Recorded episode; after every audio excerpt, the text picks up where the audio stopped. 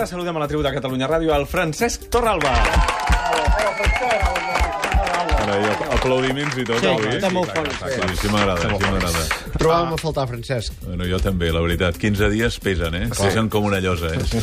El Francesc ens ajuda a fer reflexions ètiques sobre l'actualitat i aquesta setmana volem parlar d'un valor que, en fi, que, es- que quan es perd costa de retrobar, que és la credibilitat. Hem tingut molts casos, sobretot polítics, però no només, empresaris, eh, que han perdut la credibilitat. Mm, el cas, per exemple, de Jordi Pujol, l'altre dia en la compareixença al Parlament de Catalunya, eh, ell anava allà a recuperar la credibilitat, la credibilitat que va perdre amb una confessió que va fer a finals de juliol mm, queden molts dubtes de si realment la va recuperar. Perquè una de les coses que va fer va ser renyar els diputats. No? Eh, va ser aquesta l'actitud que va tenir. Quan has comès un error, segurament si vols recuperar la credibilitat has de ser una mica més humil, no? Per descomptat. A veure, eh, sí que hi ha una recerca desesperada de la credibilitat, perquè verdaderament moltes figures, personatges polítics, personatges del món econòmic, del món social, doncs experimenten que l'han perduda. Ara, s'ha de reconèixer que no hi ha dreceres eh, per recuperar-la. Mm. Allò no es pot fer una campanya de disseny, anem a fer una campanya de màrqueting, anem a orquestrar un conjunt d'imatges adequades perquè aquella persona torni a tenir la credibilitat perduda. No, no hi ha dreceres. Jo crec que la credibilitat té molt a veure amb dos elements. Primer, la competència. És dir, una persona és creïble quan és competent, quan allò que fa és competent, perquè llavors és fiable, te'n fies d'algú que és competent. I després, òbviament, eh, la credibilitat té molt a veure amb la coherència. Si, si aquella persona diu A però fa B, és difícil que sigui creïble. Si aquella persona diu heu de fer A, però ella fa el contrari d'allò que diu, és molt difícil ser creïble.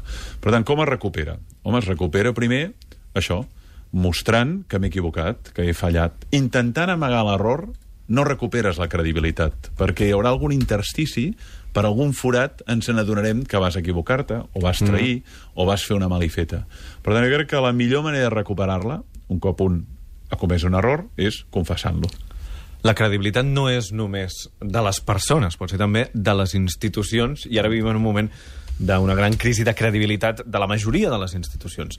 Estem pensant aquests dies, per exemple, en el Tribunal Constitucional, que per molta gent ha perdut la credibilitat, que allò que digui ja no t'ho creus. És clar, perquè el propi d'un jutge és la imparcialitat. Mm. És dir, el que fa creïble un jutge, Tribunal Constitucional o, o un jutge de, de senzillament una població o un professor que judica doncs, el coneixement dels estudiants és la seva imparcialitat. Quan hi ha sospites de parcialitat, quan hi ha sospites de viatge ideològic, aquesta credibilitat es perd. I quan aquestes sospites són confirmades per diferents moments on hi ha hagut aquest viatge o aquesta tendència, aleshores el que passa és que senzillament és increïble. Hi ha una gran part de la ciutadania que ja no atorga aquella confiança. I llavors és dramàtic, perquè llavors deixa de ser un instrument operatiu, és una relíquia del passat, és una espècie d'andròmina ep, que paguem entre tots, però que ja no té la credibilitat que hauria de tenir. I això és molt preocupant, perquè llavors vol dir que o bé s'ha de canviar la institució, o bé ha de tenir un altre òrgan de funcionament que verdaderament hi hagi la imparcialitat. En un jutge, o en un conjunt de jutges, o en algú que ha de jutjar, la imparcialitat és el valor màxim. Si no la té, perd credibilitat. Abans ens deies que no hi ha dreceres per recuperar la credibilitat un cop s'ha perdut.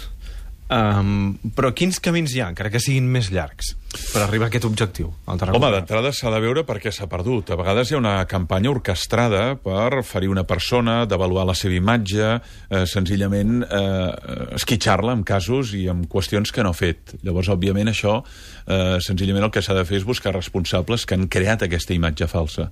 De vegades és per causes endògenes, és a dir, realment hi ha hagut una mala praxi, realment hi ha hagut corrupció, realment hi ha hagut una prevaricació. Llavors jo crec que l'única forma és la confessió i la reparació del mal comès. Mm. És clar, la confessió ja és difícil, eh? confessar un mal, i més públicament.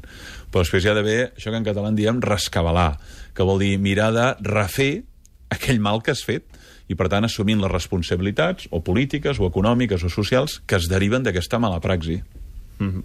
uh, què diuen els nostres oients, Marta Cristià? La majoria d'oients diuen que no tenen gaire credibilitat amb els polítics i les institucions actuals. I, per exemple, la Rosa diu que per recuperar-la haurien de passar moltes coses bones, com, per exemple, que la gent no els fessin fora de casa, que els nens tinguin sempre per menjar, no veure cada 10 segons gent demanant, que no hi haguessin guerres, sigui per la raó que sigui. O sigui, que posa moltes, moltes condicions perquè ella, per exemple, recuperés la confiança en la política i les institucions. O l'Andrés diu, malabaristes d'il·lusions i reis de la desmemòria.